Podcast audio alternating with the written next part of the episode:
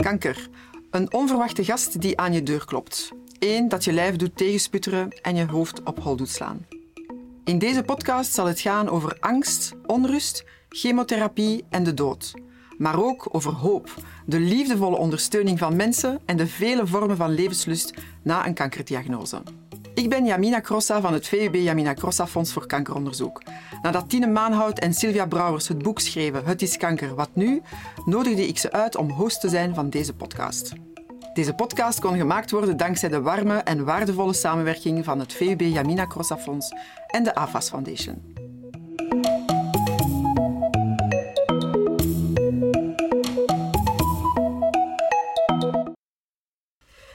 Ja, dit wordt een heel spannende aflevering. Uh, als we kijken naar de tocht door Kankerland, dan gaan wij nu de platgetreden paden, dus de paden die iedereen zo wat uh, afwandelt, we gaan die verlaten.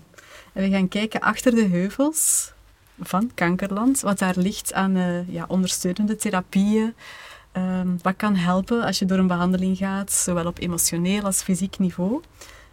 en dat is toch wel boeiend en een klein beetje spannend. Ja, absoluut. En als ik uh, Lisbeth zo bezig hoor, dan uh, gaan we echt wel van de platgetreden uh, paden. Ik ben zelf nog een beetje aan het natrillen van de, ja. van de nieuwe dingen die ik gehoord heb. Absoluut. Ja, Lisbeth heeft heel veel nieuwe brillen opgezet, nieuwe perspectieven aangereikt. En ze heeft het eigenlijk heel mooi gedaan, want ze reikt aan, ze legt niks op, ze zegt niet wat moet of wat niet moet, maar ze geeft, ze geeft wat mogelijkheden mee. Dus dat is heel fijn. En dat is eigenlijk ook wat Lisbeth gewoon doet in haar praktijk. Lisbeth Halewijk um, heeft een praktijk Gezonde Gids, noemt het. Het is een praktijk waar ze eigenlijk werkt met mensen uh, rond gezondheid, maar op uh, een meer holistische manier. Ze kijkt naar verschillende mogelijke oorzaken uh, van ziekte, onder andere, of van onevenwicht, waarbij dat mensen naar de deur komen kloppen. Ze is, en nu ga ik het even moeten aflezen, ehm, KPNI-therapeut en orthomoleculair voedingsdeskundige. En wat dat, precies inhoudt, gaan we niet helemaal uitleggen, want dat gaat ze in het gesprek zelf doen en zij kan dat beter dan ons. Ze is ook de mama van twee dochters, dat wil ik ook meegeven. Het was een heel fijn gesprek, dus geniet er ook maar van. Liesbeth, dankjewel om hier te zijn uh, in deze podcastaflevering, die wij zelf een klein beetje spannend vinden, want we gaan platgetreden paden verlaten in onze dochter Kankerland. Eens kijken wat dat de uh, ja, aanvullende therapieën zijn als je een kankerbehandeling doorgaat. Dat gaan we met jou bespreken. Je bent een gezonde gids. Je hebt een hele druk bezette, bezette praktijk. Er is een grote wachtlijst, dus dank je wel om tijd te maken om... Uh, om hier bij ons te zijn. We gaan beginnen met onze startvraag die we aan iedereen vragen. Uh, de krab is het internationaal symbool van kanker, staat ook op ons boek. Maar als jij nu zelf een dier zou mogen kiezen uh, dat je zou koppelen aan kanker, of als symbool zou uitroepen tot kanker, wat zou het dan zijn voor jou? Um, ik zou heel graag als ik het eerste beeld dat je nu vraagt, is, is, is een arend, is een, een grote vogel die je terug zicht geeft op het verleden, op het heden, op de toekomst, die terug de, je leven opentrekt, die terug alle mogelijkheden opentrekt. Dus ik zou echt, kanker is, een, is voor mij en voor wie dat het meemaakt, een, een iets nieuws, een verandering. En ik denk als je daar een beeld van kan hebben, dat het ruim is en dat je alle richtingen uit kan en dat je kan kijken wat heb ik gedaan in het verleden en wat kan ik nu doen in de toekomst. Ik denk dat dat beeld van die aard wel past bij bij, kanker, naar mijn idee, mijn gevoel.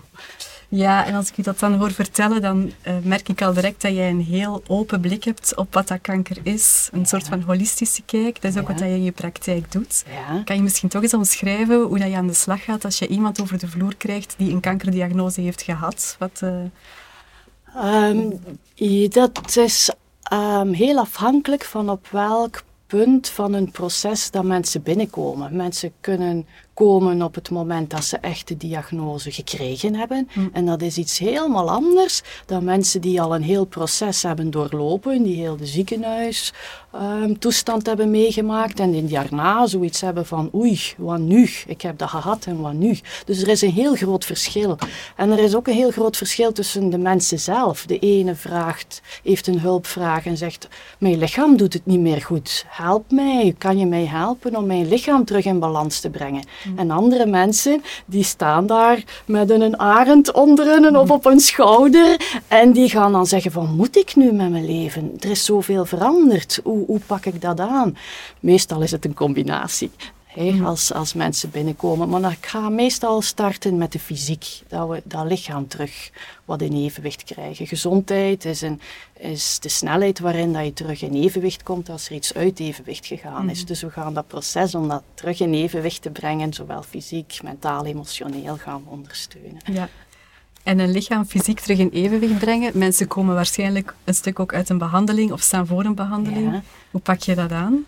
Ehm, we gaan kijken welke stukken in het lichaam het zwaarst belast geweest zijn. Ehm, als je een operatie gehad hebt, dan is er schade, is er gesneden en dan moeten we die, die schade terug herstellen. Maar als je chemo gehad hebt, dan um, zitten er heel veel toxines in je lichaam. En dan zijn je je ontgiftingsorganen, je darmen, je lever, je nieren zijn dan veel meer belast. En dan moet je toch iets anders aanpakken. Hm. Ehm, en we gaan kijken, ieder mens is anders. Ieder mens heeft een, een gevoeliger orgaan. Dus bij de ene ga ik meer aandacht moeten besteden aan de darmen en aan de voeding. En bij andere ga je dan meer naar de lever moeten kijken. Hm. En zien hoe kunnen we die lever ondersteunen. Dat die alles wat dat die binnengekregen heeft, wat dat die eigenlijk niet meer nodig heeft, hoe dat we dat terug kunnen, kunnen afvoeren op een manier wat dan niet zo belastend is en waar je weinig of minder symptomen van krijgt. Wat dat dan uh, soms ook voor mensen abstract klinkt, een lever ondersteunen. Ja. Hoe kan je je lever ondersteunen? Een goede vraag. voor mij heel logisch. Ja. Um, een lever heeft energie nodig. Hè. Mensen die uit een kankerbehandeling komen, die hebben meestal heel weinig energie. Dus het is ook inzetten op hoe kunnen we je energie geven, hè, zodat die lever ook kan werken. En energie is um, zorgen dat je blijft bewegen bijvoorbeeld. Hè, dat je naar buiten gaat, dat je met mensen in contact komt die je energie geven, dat je goede voeding eet. En dan hebben we ook nog supplementen. Er zijn kruiden die de lever kunnen ondersteunen.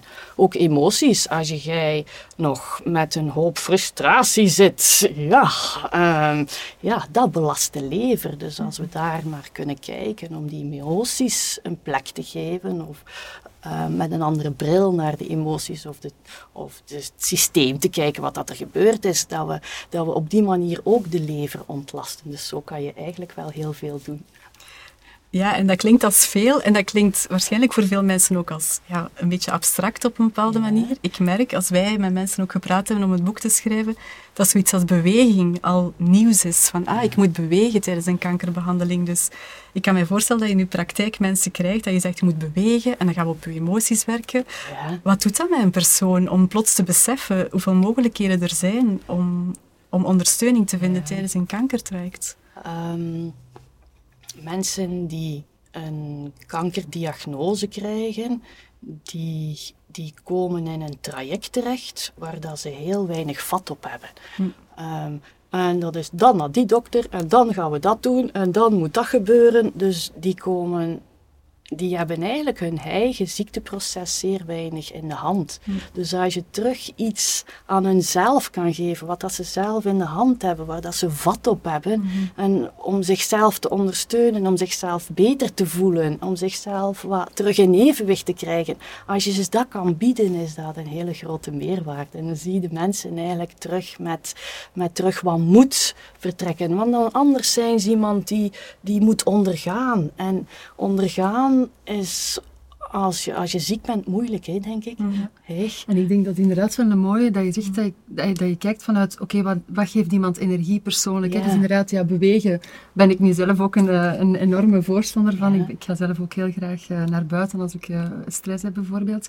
Maar dat kan net zo goed waarschijnlijk iets creatief doen zijn. Of, of, Het maakt niet uit. Als er iets is waar dat je je beter door voelt, waar dat je energie van krijgt, waar dat je gelukkig van wordt, um, dat is energetisch is heel, heel krachtig en heb je nodig om zo'n proces door te komen. Als je alleen maar op het moeilijke je aandacht zet en op het zware en op het lastigste, dan, ja, dan wordt het helemaal een moeilijk mm. en lastig proces. En hoe kan ik bijvoorbeeld ehm, ehm, ik ben aan het luisteren naar de podcast en ik voel van ja, ik heb ook wel die energie nodig. Hoe kan ik bij mezelf te raden gaan om al eens te zien wat dat voor mij zou kunnen werken? Zijn er zo leuke ehm, vragen die ik mezelf kan stellen om dat te achterhalen, zonder dat ik bij Liesbeth moet langskomen. Want ze heeft een wachtlijst. Ja, dat is een lange wachtlijst. Maar er zijn heel veel therapeuten die kunnen helpen. Hè. Dus je hebt weg en iedereen heeft zo wat zijn eigen, zijn eigenheid in wat dat die kan bieden.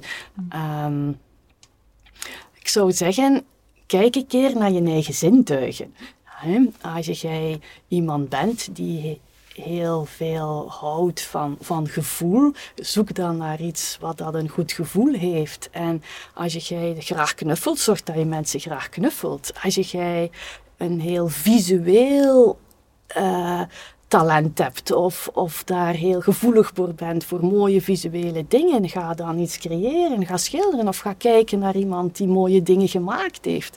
Ehm, als het meer op je oren zit, ga luisteren naar mensen. Als je iemand ziet die heel graag eet, ja, zorg dat je de beste restaurants gaat bezoeken en, en mensen voor je laat koken. Dus, dus het is, het is echt belangrijk dat je voelt wat is jouw ingang? Wat is jouw, wat trilt bij jou? Waar word je gelukkig van? En, en misschien moet je gewoon naar je eigen zintuigen keer kijken. Het klinkt wel, en dat is wel een heel mooie uitnodiging, als je dan toch die diagnose krijgt, alsof dat je jezelf beter kan leren kennen tijdens een kankertraject. Is dat de uitnodiging? Dat het uiteindelijk... Ehm, of het nu kanker is of een of andere ziekte, je bent uit balans gegaan. Je, bent, je hebt hmm. ehm, er zijn dingen die je uit balans gebracht hebben, of je hebt jezelf door jouw eigen patronen of door je eigen gedachten of door familiepatronen of maatschappelijke patronen ben je van je eigenheid verder weggegaan. Dus het is sowieso een pad van oei, wat ben ik en wie ben ik en wat heb ik graag en wat is voor mij van belang en hoe heb ik dat voor kanker gedaan en hoe ga ik dat nu na mijn kanker doen? Mm Niet iedereen wil dat, hè? en dat is ook niet altijd nodig. Als je daar niet in geïnteresseerd bent en gewoon denkt: oké, mijn lijf heeft het niet gedaan, oké, ondersteun mijn lijf en mhm. klaar en ik doe voort, ook goed. Mhm. Dus het maakt niet uit. Maar er zijn, naar mijn gevoel, meer en meer mensen die zoeken naar wat zingeving en kijken van: oké, dat is me hier nu overkomen, wat doe ik daar nu mee? En, ja, dan wil ik heel graag ondersteuning bieden. Als mensen met die vraag komen, vind ik het Ja, je zegt niet iedereen wil dat, maar we hebben nu toch al een paar mensen gesproken en we horen het wel vaak terugkomen. Bij Sophie. Goemaar bijvoorbeeld. Jamina heeft het ook aangehaald. Er is toch iets geschud en, en, je mhm. kijkt op een andere manier naar het leven. Natuurlijk staat je dan voor de uitdaging en nu. Hè? hoe moet je daarmee omgaan? Je kan je lichaam terug in evenwicht krijgen. Mhm. Je moet leren omgaan met bepaalde emoties. Hè? We hebben het over de rollercoaster al gehad, de onrust die er is hoe gaat je aan de slag met bijvoorbeeld de vele emoties waarmee dat je te maken gehad hebt? Ja. Ehm, ehm, emoties zijn voor mij een heel belangrijk stuk. Ehm, eigenlijk als mens zouden we ons volledig met onze intuïtie moeten kunnen bezighouden. Als we onze intuïtie volgen, dan zijn we mee op de stroom van het leven en dan blijven we rond het evenwicht en dan gaat alles goed. Voor mij zijn emoties de stap verder. Als we iets verder uit ons midden gaan, dan gaan onze emoties dat ons laten weten. En emoties uh, komt van emovere, wat dat eigenlijk betekent in beweging brengen. Dus een emotie heeft geeft ons de uitnodiging, vraagt ons om in beweging te komen en iets anders te doen dan we gedaan hebben. Dus als we kunnen proberen die emotie te benoemen, daar te kijken wat dat het lichaam of de ziel, wat dat die vraagt, welke beweging dat er nodig is, dan hoeven we eigenlijk niet nog verder uit evenwicht te gaan en in de fysieke last te komen. Dus die emoties, als we, die, als we daar een beweging aan kunnen koppelen die anders is dan dat we gedaan hebben, dan hebben ook die emoties weer hun zin. En dan hoeft het ook niet zoiets te zijn dat ons overvalt, maar dan kunnen emoties een richtingaanwijzer zijn. Mm, dat is wel boeiend, want eh, we hebben net een, we hebben een gesprek gehad, ook in de vorige aflevering, over angst. Ja. Stel dat iemand bij jou in de praktijk komt en zegt, aan Elisabeth, ik ben zo bang, ik heb een kankerdiagnose gehad, ik ben zo bang. Ja. Wat, wat, wat, kan die persoon doen? Om... Ehm, angst is niet weten welke beweging dat je moet doen. Ja. dat is niet weten welke richting dat je moet uitgaan. Dat is maar één richting zien en dat je kent en die niet meer klopt. Ja. Maar meestal weten de mensen niet van welke mogelijkheden dan er zijn. Die kunnen niet de beweging maken en denken, ah ja, dat is ook een mogelijkheid, die gaan we doen. Dus ook weer als we de angst kunnen benoemen. Of misschien is de angst vanuit een, een patroon vanuit de familie of vanuit het gezin van oorsprong die je altijd geleerd hebt, pas op. Ja, dan moet je weten van oké, misschien is die angst ook niet realistisch. Er zijn ook andere wegen. Dus als we die, die angst kunnen, kunnen benoemen, als we kunnen zoeken van waar dat komt en als we een nieuwe richting kunnen geven aan, aan, aan de emotie, dan, dan zijn we weer vertrokken. En de mensen weer oh wat en hoppakee, zijn weer weg. ja, ja. Uh, Wat dan natuurlijk wel een uitdaging is, als je voor zoiets staat als chemotherapie of zo, en je Mhm. bent heel angstig, uh, ja. Ja. ja. wat is de nieuwe richting dan? ja, ja, ja. ja. ja. ja, ja. ja en uh, het is... Het is uh, Allee, ik hoor dat het vooral heel belangrijk is ook met die emoties aan de slag ja, te gaan. Hè? Dus dat je naast chemotherapie en andere behandelingen eigenlijk daar ook durft naar kijken. Mm -hmm. Wat zijn volgens jou nog een aantal andere aanvullende elementen? Hè? Dus ik, ik, ga door chemo, ik, ik moet een radiotherapie ondergaan. Ja. Wat zijn zo typisch dingen waarvan je zegt, ja, dat kan echt versterkend werken in die periode? Dus die emoties zeker. En die emoties, ook het fys de fysieke ondersteuning ja. van het lichaam. Ja. Maar ook echt het contact met andere mensen. En mensen die, die in jou geloven, die vertrouwen hebben. Ik denk dat het woordje vertrouwen Mhm. hebben in de geneeskunde, in de dokter die je behandelt, Mhm. in, de, in het proces. Als je als je mensen kan horen of contact hebben met mensen die zeggen van vertrouw dat maar, dat werkt, dat is goed, doe maar, hop, dan, dan kan je ook alweer wat van de angst kwijtraken. Dus ik denk mensen die je vertrouwen kunnen geven, en wie dat het ook is, al is de pastoor in de kerk, mm. of, ja, of is het bij de kindjes dat je zit, omdat je de kindjes ziet in een onbezorgdheid zitten, of bij vriendinnen, of bij therapeuten. Er zijn heel veel mensen die, die heel graag mensen willen ondersteunen die in zo'n moeilijke, moeilijke fase zitten. Ja, dus blijf er niet alleen mee zitten. Nee, dat is echt heel nee. belangrijk. Ja. Want op je eentje ga je, ga je beginnen denken en je geraakt niet uit een, een, een patroon. Um, allee, het kan natuurlijk, hè. je hebt krachtige mensen die dat echt alleen kunnen. Maar, mm. maar vraag hulp, vraag ondersteuning. Mm. Hey, um, kanker is eigenlijk, je kan dat woord toestemming daarnaast zetten. Mm. Want je mag alles. Hè. Je mag hulp vragen, je mag rusten. Je mag, ja, je mag eigenlijk op dat moment mag je alles. Dus kanker is ook toestemming krijgen om iets nieuws te doen, om iets anders te doen, om dingen te vragen. Dus je kan, je kan woorden kan je een andere betekenis geven. Hè. Mm ja, en je hebt ook toestemming om relaties met mensen te vernieuwen. Allee, te vernieuwen. Of om, om, op, om hulp op te zoeken als je dat vroeger niet gewoon was. Ja. Want dat vind ik wel fascinerend. Je zegt ja. heel vaak, je, je, mag patronen doorbreken. Ja. Hoe moeilijk is dat voor mensen? En van waar komen die patronen? Oh, patronen is het moeilijkste wat dat er is. Een patroon is een gewoonte. Een patroon is iets wat dat je kent, is een houvast.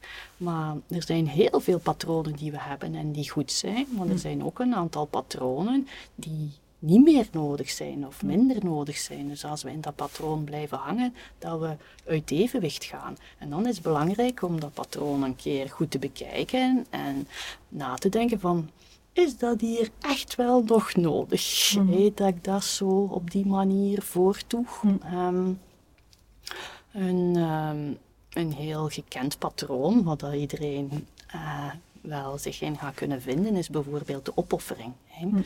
Heel veel vrouwen hè, offeren zich op uit het patroon van vroeger, um, uit het patroon van familie, want dan moest jij als vrouw voor de kinderen zorgen, voor de partner zorgen en veel kon je niet voor jezelf doen. Dus dat is een heel herkenbaar patroon, waar dat veel vrouwen in moeten alleen mogen evolueren om, om dat te veranderen. Om niet continu in de opoffering te staan en ook wel tijd voor zichzelf te maken en ruimte voor zichzelf en dingen te doen die goed zijn voor hunzelf. En niet continu in het geven staan, maar ook in het ontvangen durven staan. Dus ik vind dat wel een hele mooie link ook met, um, in een vorige aflevering hadden we het inderdaad over netwerk en hulp durven vragen en uh, omdat we altijd denken we moeten het alleen doen. Hè.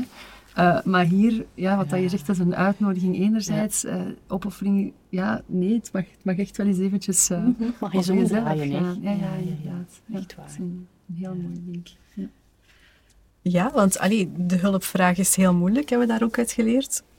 hoe komt dat dan? Is dat een collectief patroon? Dat is dan, want het is niet alleen bij vrouwen, het is ook bij mannen. Praten over kanker, Mhm. hulp vragen. Wat, wat, wat, wat, wat, wat is er eigenlijk mis met ons? We hebben, zoveel mensen in de omgeving op zo'n moment. Maar dat is Wat- niet, niet gemakkelijk, hè? Nee, nee. Ja. Ja, iemand die kanker heeft, ja, wat zeg je daartegen? Wat Ja. doe je daarmee? Allee, ja, het is gemakkelijker om te zeggen, wow, die kan dat wel. Ja, ja, dat is die confrontatie aangaan met iemand met emoties, met iemand die het niet ziet zitten, met iemand die bang is om dood te gaan. Hm. Dat zijn niet de thema's die, Nee. die op café of op terras worden, worden besproken. Hè. Dus dat, dat is niet simpel. Hm. Ah, ja. Ik als therapeut maak me daar geen zorgen om, maar ik kan me voorstellen als ik niet wat technieken heb of niet wat kennis heb of niet wat, wat houvast, hoe dat je zo iemand kan ondersteunen, dat het niet altijd simpel Nee. is. Dus je moet het vragen, hè, maar je moet het dan ook vragen aan de mensen die er iets mee kunnen. Hè. Mm. Dus dat is dan ook opletten met verwachtingen. Hè. Je kan van je partner verwachten dat hij van alles voor je doet als je kanker hebt, maar die moet het wel kunnen en weten en mee aan de slag gaan. En dat is niet voor iedereen in de omgeving zo evident en zo simpel. Dus Nee. dat, dat is niet gemakkelijk. Hè. Nee, nee, en dan reageren mensen soms anders dan dat we inderdaad verwachten. En wordt het gesprek voilà. soms eh, ja, Kan nog wat moeilijker. ja. Ja. Dus als je noden hebt, moet je het vragen aan de mensen waarvan dat je weet dat die met jou het goed kunnen doen. Ja, ja, absoluut. Die zelf ook de, de nodige ondersteuning Ja, hebben mogelijk. ja, zo. ja. Wij hadden het, eh, we hebben het gehad over ook eh, ondersteuning van het lichaam en voedingssupplementen. En veel mensen met wie dat we ook gepraat hebben, zeggen ons van ja, ik had dan voedingssupplementen en dan ging ik naar de apotheker en die zei ja, ja, maar je moet dat wel met de oncoloog bespreken. Mhm. Want soms botst dat wel met bepaalde therapie. Is dat iets waar jij ook aandacht voor hebt? Ja, ja, ja, ja.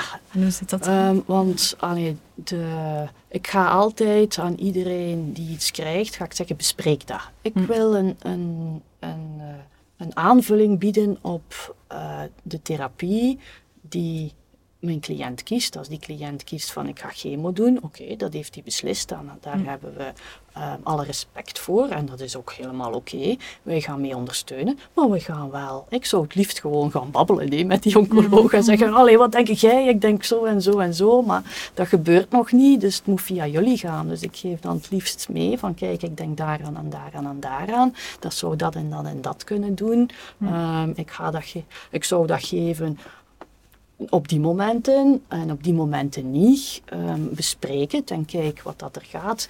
Ik vind in de loop der jaren dat er daar al heel veel openheid in is. Het is veel Mhm. gemakkelijker om nu te zeggen aan je cliënt, ga dat maar gaan vragen aan een oncoloog. Hè. Vroeger was dat onmiddellijk een jet, maar dat is, dat is aan het veranderen. Dat is, echt Dat is aan het veranderen. Ja. Maar toch is het te moeilijk om al samen aan tafel te zitten dan. Ja, dat gebeurt. Allee, dat heb ik nog Nee. nooit kunnen doen. Nee. Nee.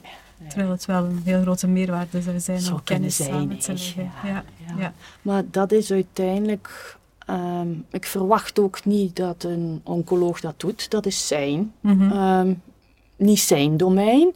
Ehm, het is ook niet iedere patiënt wil dat ook iets daarbij van, van extra. Dus ik, ik, allee, ik vind het dan ook een stukje de verantwoordelijkheid van degene die ziek is. Om te zeggen, goh, als ik ziek ben, dat zie ik zitten en dat wil ik er eigenlijk bij en dat en dat. En ik ben de speelfiguur, dus ik ga die eigenlijk, ik ga dat vertellen, dat ik tegen die, dat ik ook naar die en die ga en met die weet dat ik daar en daar ga. Hoe opener dat je daarin bent, hoe, hoe gemakkelijker dat het voor iedereen is. En misschien zelfs een stapje verder. Het is ook heel belangrijk om er open over te zijn, om echt te vermijden dat er ergens conflicten Ja, ja, ja, ja. eh, ontstaan. Ja, Het ik is, heb eh, het liefst dat, dat iedereen zo transparant mogelijk is. toch, hè. Hoor. En Ik weet ook het liefst wat dat iedereen aan het doen is, hoor. Dat, dat ik mij daarop kan aanpassen en, en daar rekening mee kunnen houden.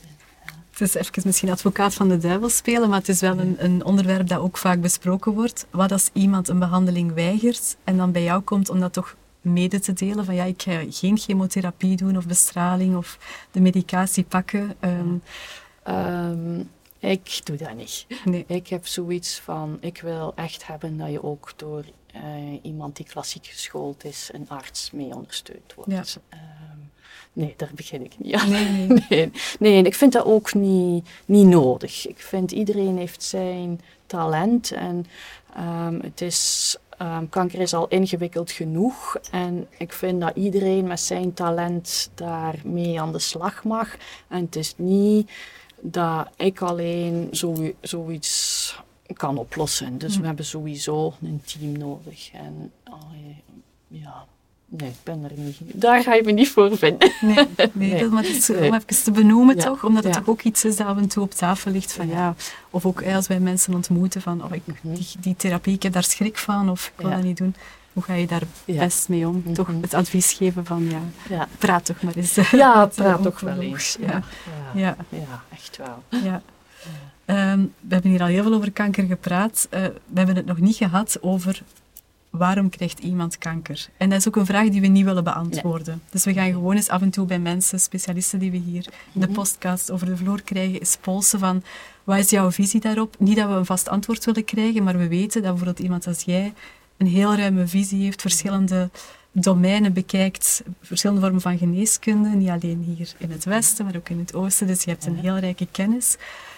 Wat zijn zo dingen dat jij daarin kan meegeven van niet van waarom krijgen we kanker, maar wat zou er kunnen meespelen dat iemand echt ja, ziek wordt en misschien ehm. toch op een bepaald moment een diagnose krijgt? Het, uh, het zijn vele factoren samen eh, die ervoor zorgen dat we uit evenwicht gaan. Dus het is een fysiek onevenwicht, het is een mentaal onevenwicht, het is een emotioneel evenwicht, het is een bewustzijnsonevenwicht. Dus ik, ga, ik denk echt niet dat het maar één iets is hoor. Echt niet. Uh, Ik denk dat alles samen, die uit evenwicht is, uiteindelijk een druppel kan zijn die ervoor zorgt dat het lichaam zo heftig reageert. Ja, dus echt een reactie van uw lichaam op verschillende elementen. Um, ziek zijn is naar mijn gevoel altijd je lichaam die probeert jou terug in evenwicht te krijgen. Oké. Ehm, dus ja, kanker is wel heel heftig natuurlijk, maar die wil iets oplossen voor jou. Hè. Die wil iets doen. Die gaat, die gaat dat niet zomaar doen. Hè. Hm. De, ja, er zit altijd een mechanisme achter, zowel op fysiek, emotioneel, energetisch niveau. Zit er altijd iets achter. Zomaar gebeurt er niks, naar mijn idee. Hm. En het feit dat er zoveel mensen ziek worden, wil dan zeggen dat we misschien ook als samenleving over iets na te denken hebben. Ik denk het wel. Dat we nieuwe evenwichten te zoeken hebben in onze levensstijl. En, ja, dat denk ik wel.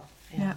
Je merkt dat als je een keer op reis gaat, dat in andere landen of aan de andere kant van de wereld, of nog niet eens zo ver, dat mensen soms echt wel anders leven. Hè. Ik vind vooral het ritme hier vind hm. ik immens.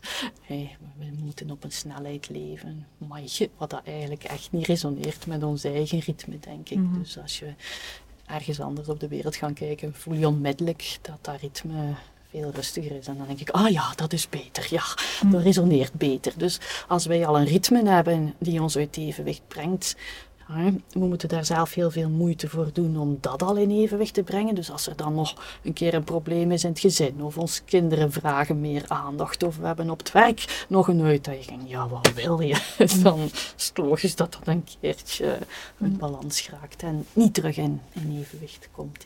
Ja.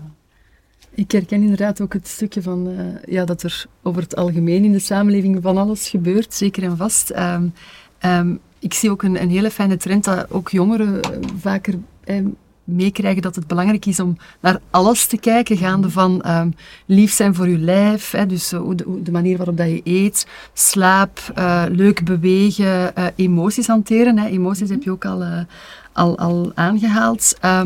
Hoe belangrijk is inderdaad dat hele verhaal en slaap en bewegen ook uh, in, in onze gezondheid? Mm -hmm. Um, ik, ben, ik ben een beetje grappig vertellen, maar ik dacht uh, vroeger, met voeding ga ik alles oplossen. Hè? Dat is het belangrijkste. En dan merkte ik, voeding, dat is het niet. Uh, we hebben nog supplementen nodig. Ah ja, nee, daar raken we er ook niet. We hebben nog beweging nodig. Ah ja, dan komen we er ook nog niet. Oké, oké, we zetten daar nog een stuk bewustzijn bij. Oké, ah ja, nu gaat het al beter. Hè? Dus um, wat dat het waar dat wij geleerd hebben in de KPNI, staat op nummer 1 ritme. Hè, dus slapen, waken, rusten. Op nummer 2 staat beweging. Op nummer 3 staat voeding. Ik zou daar liever bewustzijn helemaal van boven zetten. Dus ja, het is een beetje afhankelijk van persoon en persoon. Hè. Uh, wat dat je zelf boeiend vindt, wat dat je zelf, wat dat resoneert bij jou, wat dat je graag doet. Ja, Ik ga even misschien KPNI, ja. uh, misschien wel even uitleggen wat dat KPNI is de klinische psychoneuroimmunologie. Dus dat is een wetenschap die zowel het fysieke als het emotionele als het energetische meeneemt en eigenlijk zoekt naar de oorzaak van het probleem. Dus het gaat nooit blijven hangen bij een orgaan die, als daar een probleem zit, maar we gaan naar het hele systeem kijken. Um, dus het is echt zoeken. En ik zoek dan eigenlijk heel graag op ook andere lagen en niet op het fysieke niveau. Maar dat is ook de bedoeling. Hè, dat we op alle lagen van, van ons mens zijn gaan zoeken naar de oorzaak van een probleem en daar een verandering aanpakken. Dus KPNI probeert door een, de essentie, de essentiële verandering uh, te zoeken die het meeste effect heeft om terug in evenwicht te komen. Ja. Dus op zich maakt het niet uit met welke vorm van kanker iemand bij jou komt aankloppen. Jij gaat op zoek uh, op veel verschillende lagen en in heel het, uh, ja. in heel het lichaam. Hoor ik u ook zeggen dat je mensen terug een heel klein beetje in hun eigen verantwoordelijkheid probeert te brengen? Of toch mm tenminste in een vorm van eigenwaarde om voor zichzelf te zorgen? Ja, ja. ja. Um, ik denk dat wij Ehm, we staan daar ver vanaf. Hè. We hebben dat niet geleerd als kind, maar ik denk dat het heel belangrijk is om te leren weten wat dat jouw lichaam wil, wat dat jouw ziel wil, wat dat je zelf wil. Hè. Je ego die mag er ook zijn. Mhm. Dus wat wil die allemaal? Wat voelt die allemaal? Wat resoneert? En dat we daar veel meer leren naar luisteren en veel meer leren vanuit die dingen te leven. Dus ja, ik geef graag een beetje de verantwoordelijkheid aan de persoon zelf. Uh, want dat is dan uiteindelijk, als je dat gaat doen, dan leef je veel meer op je intuïtie en dan kan je veel meer in de flow leven, terwijl dat de rest veel meer ja, vechten en overleven wordt anders. Hmm. Ja. Ja. Maakt dat dat je misschien op een bepaald niveau kan zeggen dat kanker ook misschien zinvol kan zijn, of toch iets in beweging kan brengen die je naar een bepaalde vorm van volwassenheid brengt, of een nieuwe ehm. visie op het leven? Um, elke ziekte is voor mij een uitnodiging om het anders te gaan doen. Um, en als je daar inzicht toe hebt, is het fijn. Ik vind ook als je terug voelt dat je wat in de hand hebt en dat je iets kan doen, denk ik dat het uh, wel een, een meerwaarde kan zijn mhm. daarvoor. Ja, dus, Zonder daarmee waarschijnlijk te zeggen dat het door iets wat je deed, dat je... Ja, want dan krijg, leg je ergens een beetje een schuld, dat moeten we inderdaad nee, niet doen. dat is niet de bedoeling. Wat dat je zegt is, ja, je kan echt uh, iets anders doen. Het is een uitnodiging. Het is een uitnodiging. En je kan ze nemen en je kan het laten. Oh ja, niks moet, hè. Echt, niks moet. Nee. Maar mensen beginnen er meer en meer naar te vragen. En als je dan kan helpen in dat proces om daar wat antwoord op te geven, dan, dan zie je de mensen weer huppelen. Ja, ja. dan zie je ze weer blij Want dan merk je wel dat meer en meer mensen met de diagnose ook bij jou komen, of dat er een, een zekere beweging is naar, mhm. naar het zoeken van die zingeving dan ook op een bepaald moment. Ja. Maar wat als iemand het niet overleeft, of dat het er naar uitziet dat hij niet zal genezen? Dan is het ook zo en dan is het ook goed. Ehm, dan gaan we ja, daar geen oordeel over hebben, absoluut niet. En die heeft zijn best gedaan, zijn allergrootste best. En het is niet gelukt en dan is het ook oké. Het is gewoon niet gelukt. Het, het strijden tegen kanker, dat is soms een beetje een rare uitdrukking. Hè? Maar, maar, eigenlijk gaat het niet om strijden. Hè. Ja. Nee, niet. Nee. nee. Ja, Lisbeth, dat is nog een, een, even nog een, een, iets moeilijker thema, omdat het ook wel echt de platgetreden paden verlaten is. Ehm, wij merken soms, als we met mensen praten, dat kanker in een familie voorkomt, eh, zonder dat er een erfelijke factor is. Heb jij daar antwoorden op of inzichten in van wat zijn soms familiesystemen of kunnen voor, of aan de grond liggen van bepaalde kankervarianten die altijd maar blijven terugkomen? Ja. Dat is een...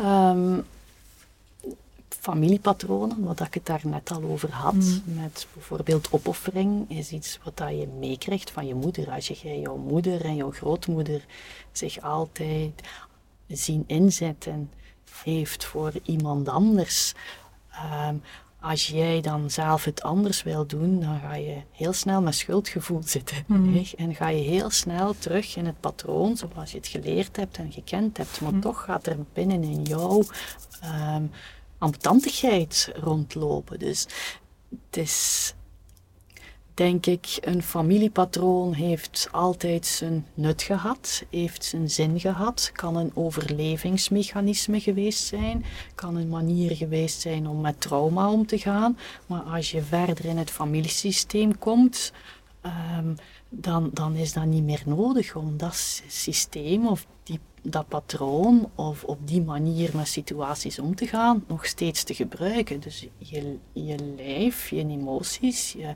heel jouw lichaam gaat, gaat dat niet meer tof vinden. Mhm. Ik heb het altijd over je personeel en je lichaam. Hè? je personeel en je lijf gaat zeggen, ja, maar ik heb daar geen goesting niet meer voor. Hè? Mhm. En die gaan zeggen van, ik, ja, ik stoppen ermee, ik staak gewoon. Hè? Mhm. En dan heb je een orgaan of zo, of een bepaald stuk in je lichaam die niet meer meedoet. Maar dat kan, voor mij zijn dat dan echt dingen wat jouw personeel tegen jou zegt van, manneke, nu is het echt genoeg geweest. Hè? Van, doe en personeel anders. Je lichaamsfuncties. Je lichaamsfuncties, ja. ja. ik heb het altijd, wij zijn een, een stuk de CEO van, van heel ons systeem. Mhm. Wij zeggen van ja, jij moet nu die een biefstuk verteren, hè, want ik heb die opgegeten. Maar als je, jouw personeel daar zegt van ja, maar dat past niet bij mij, ik heb daar geen zin meer in, dat gaat niet goed, ja, dan ga je overtering overhoop liggen. Dus ik denk dat we veel meer naar ons personeel moeten luisteren in ons lichaam en een keer horen van oké, okay, wat, wat scheelt er? Um, waarom hebben jullie daar geen zin meer in? Wat, wat scheelt er? Wat heb je nodig? Um, of wat heb je juist niet nodig? Wat heb je graag? Dus dat, het gaat daarom mee. En um, ik merk echt wel in mijn praktijk dat mensen met bepaalde klachten, dat je dat heel vaak kan terugbrengen naar patronen die geleerd zijn in het familiesysteem, maar kan even goed zijn door het maatschappelijk patroon. Hè. Is, dat, is dat mogelijk om er eens een voorbeeld van te geven, Lisbeth? Zonder namen te noemen van mensen, maar misschien eens van een specifiek, ja, een specifiek voorbeeld van hoe dat we dat ons kunnen voorstellen, want het klinkt wat abstract. Klinkt het abstract? Oké, oké. Ja, um, een voorbeeld. Mm. Um, ik heb iemand die um, met aller barrières in de problemen zit. Dus die met haar huid, uh, darmkanker, longkanker. Dus dat zijn alle barrières. Dus dat is de bescherming tussen de buitenwereld en je eigen binnenwereld. hè. Mhm. Als er daar iets scheelt, dan um, kan je eigenlijk al denken van alle prikkels van buitenaf, en laat het ons nu verwachtingen noemen. Als iemand een verwachting heeft en jij voelt dat, ga jij of kan jij dat onmiddellijk willen inlossen, omdat je dat geleerd hebt mhm. in het familiesysteem. Van oké, mijn partner hebben verwachtingen dat ik daar elke dag dat eten zit te maken en dat ik de was doe. En mijn kinderen hebben die verwachtingen ook en die verwachten dan ook nog een keer dat ik ze over en weer naar overal ga brengen. Dus dat zijn verwachtingen. Hè. Op een eind kan het zijn dat jouw lijf zegt, of dat we zullen het maar weer het personeel noemen, van wij hebben er echt geen goesting niet meer voor. En wij gaan beginnen protesteren. En je hebt dat waarschijnlijk wel al gevoeld, hè, dat je wat gefrustreerd wordt. Van godverdomme hier, hier elke avond dat eten maken, of godverdorie kunnen ze een keer een fiets niet gaan pakken om naar een hobby te gaan. Mm dus je gaat die emotie al gevoeld hebben, maar ja, je hebt geleerd om aan de verwachtingen te voldoen. Je hebt niet anders gezien. Dus dat zomaar omdraaien en dat patroon loslaten en zeggen van ik ga dat hier niet meer doen, terwijl dat je alleen maar dat gezien hebt en dat je geen andere manier hebt om dat aan anderen duidelijk te maken van hier, dit zijn eigenlijk mijn grenzen. Ja, dan gaan jouw grenzen beginnen ambeteren. Dan ga je kan je last krijgen van je longen, dan kan je last krijgen van je dunne darm, dan kan je last krijgen van je huid. Mhm. Als je jij te veel prikkels of verwachtingen van buitenaf bij jou binnenpakt. Ja. Is dat een voorbeeld? Ja, ja. Dat je echt ernstig ziek wordt. Ja. Ja. Draaien mensen hun patronen dan om? Ze kunnen niet meer anders. Ze kunnen niet meer ja. je kan altijd. Ja. Ik denk dat op die moment, hé, dan is kanker weer toestemming om te zeggen van nee, dat doe ik niet meer. Of nee, dat, nu, nu, nu moet er iemand anders eten maken. Of nu ga, moet ik iemand vragen, want ik zit in de zetel, ik kan hier niet weg, ik heb kanker. Nee, dus kanker is toestemming om het anders te gaan doen. Wat, ja, wat jij vertelt, je zegt dat natuurlijk allemaal niet uit je duim. Je hebt daar heel lang voor gestudeerd, heel veel verschillende vormen van wetenschap bekeken. Ja. Ehm, ik denk dat voor heel wat luisteraars toch heel nieuw klinkt. Mhm. Kan je dit bijvoorbeeld aan een oncoloog eh, vertellen, wat dat jij weet? Eh, hoe reageren zij daarop? Dat je zegt van emoties hebben een grote impact Ja. op het feit dat je eventueel eh, ziek kan worden en dat je kanker kan krijgen. Is daar al openheid voor? Of, Goh, ik zou het heel graag eens gaan vertellen. Ehm, maar ehm, ik merk wel dat er meer openheid komt hoor. Want Ja. wat ik nu vertel, daar krijg ik al meer en meer vraag voor om dat nog op andere plaatsen ook te gaan Mhm. vertellen. Ehm, in het klassiek systeem nog minder. Hè? Eh, nog niet zo, oh ja, dat Mhm. nog niet, maar, maar je voelt dat dat begint open te trekken en dat daar begint ruimte voor te zijn om dat voor te stellen. Maar het hoeft niet, hè? dat is ook belangrijk. Het hoeft niet altijd zoiets achter zitten, maar, maar het kan wel.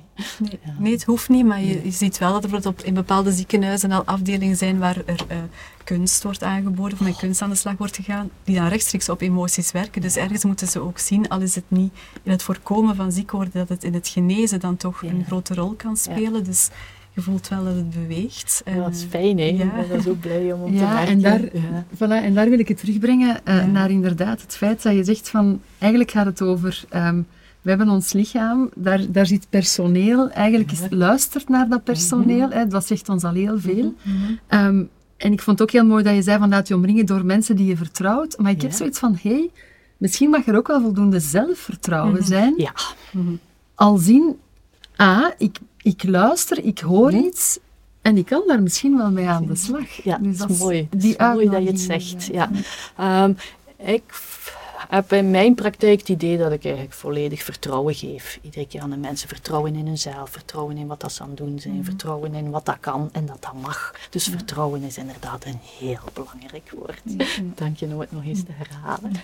Ja, en, dan inderdaad, dan, van daaruit weet je dan effectief. eh, Maar het is niet nodig. evident, hè? Want Nee, wel, nee, nee, als ik nee, zelf ziek was en ja, dat werd dan gezegd, luister naar uw lichaam. En ik, ik, ik kan dat niet, ik heb dat nog nooit echt gedaan. En Ja. dat is een heel, ja, een heel proces hè, om dat toch te doen. En dat je merkt dat we dat wel wat verleerd zijn ook Mhm. binnen onze samenleving om Ja. te communiceren met een lichaam. En, Absoluut. Ja. Ik ga wel al eens met mijn zintuigen aan de slag. Ik Ah, ja. dat wel al. Het is goed, het is fijn. Oké, ja, Lisbeth, ik denk dat wij ongelooflijk veel waarde informatie hebben gekregen. Ook heel nieuw voor veel mensen. Dus ik ga op het gemakje ook wel wat afronden, dat mensen het kunnen laten zakken, een beetje verteren. Maar toch stellen we aan iedereen nog altijd eh, de laatste vraag van oké, wat zou jij nu nog uiteindelijk meegeven als je voor kanker staat? Het gaat je leven veranderen. Je hebt kanker, wat nu? Wat nu? Zoek hulp. Mhm. Zoek hulp bij mensen die, ehm, die resoneren, waar dat je je goed bij voelt. eh, en durf veranderen. Durf veranderen. Durf veranderen. Oké, dat nemen we absoluut mee. Zeker. Dank je wel. Graag gedaan. Heel Dank je graag gedaan. Ja. Voilà, het zit er weer op. Het was weer een heel boeiende aflevering, een fijn gesprek met Lisbeth. Ja. Waarin we denk ik wel heel veel meenemen, dingen om te laten inzinken, om over na te denken. Ja, en het beeld van de arend, ik vind het heel mooi Absoluut. eh, als het over kanker gaat. Een vogel die zijn vleugels uitslaat. Eh, het is eh, mooi om mee te pakken. Ja. We willen ook heel graag natuurlijk AFAS Foundation bedanken en het VUB Jamina Crossa Fonds, zonder wie we deze podcast absoluut niet kunnen maken. Ehm, ja, kanker bespreekbaar maken is heel, heel belangrijk, eh, maar het is ook ongelooflijk belangrijk dat er onderzoek naar kan gevoerd worden. En eh, dat het hele straffe werk van professor Dr. Damia Lowy eh, ondersteund wordt. En dat is wat het fonds doet. En wil je daar graag meer over weten, dan kan je daar informatie over vinden op onze website www.hetiskanker.be. En hier zijn we ook weer. Hè, dus druk op de knop daar om effectief eh, het fonds eh, Jamina Crossa, of het Jamina Crossa Fonds te ondersteunen. Ehm, elke kleine gift is, eh, is welkom. Dus voilà, druk op die knop. Op de website vind je ook ons boek natuurlijk en de podcastafleveringen zelf. Dus ga zeker daar een kijkje nemen. En gebruik vooral dan ook de podcast en het boek om... eh, ja, samen met mensen rondom te spreken. Laat het een echte gespreksstarter zijn. En uh, natuurlijk willen jullie ook uitnodigen om naar de volgende aflevering te luisteren. Het wordt een aflevering waar we ietsjes stiller worden. Het gaat over afscheid nemen. Afscheid nemen van heel veel dingen, maar ja, tot iemand afscheid is natuurlijk de dood. Dus daar gaan we ook over praten, omdat het echt belangrijk is om dat ook te doen. Dus heel graag ook. Tot volgende keer. Tot volgende keer.